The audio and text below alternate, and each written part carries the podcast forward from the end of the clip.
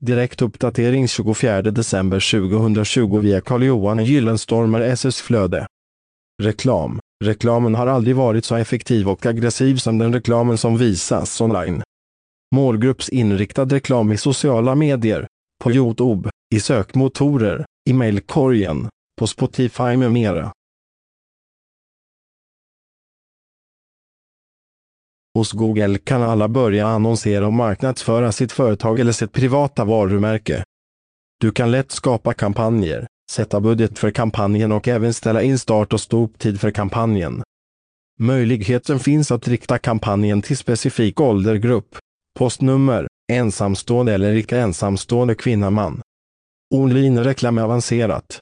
Ta exemplet Pelle ringer sin kompis och samtalet kretsar kring att Pelle vill köpa nytt hus alternativt bygga ett hus. Pelle nämner ett par hustillverkare under samtalets gång samt leverantörer.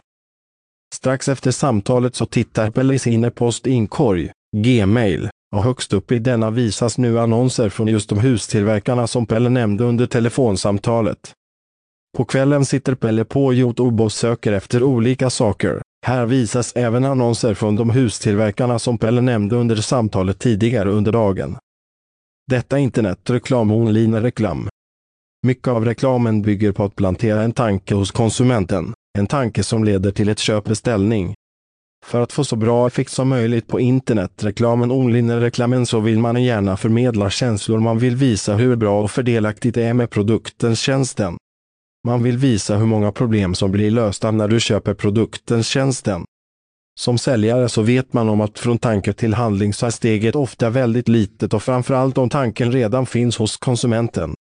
Finns tanken hos konsumenten då är det lättare att få dem att köpa kontra om tanken ska planteras hos konsumenten av en säljare, via reklam, internetreklam, online-reklam. Man vet också att ju fler gånger reklamen repeteras ju hårdare fastnar reklambudskapet. På detta sätt kan man prägla och forma konsumenten. Reklam handlar mycket om psykologi. Reklam kan också handla om att man som säljare visar hur bra alla andra har det med produkten, tjänsten som marknadsförs. Människor följer människor enligt vetenskapliga psykologiska studier.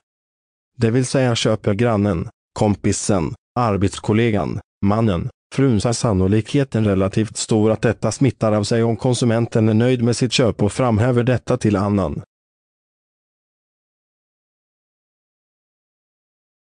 Det är därför extremt viktigt i samband med produktutveckling att produktens tjänsten gör konsumenten tillfreds och väger upp till konsumentens förväntan och gärna lite till enligt Carl-Johan Gyllenstorm, specialist på SEO och internetreklam marknadsföring år 2020.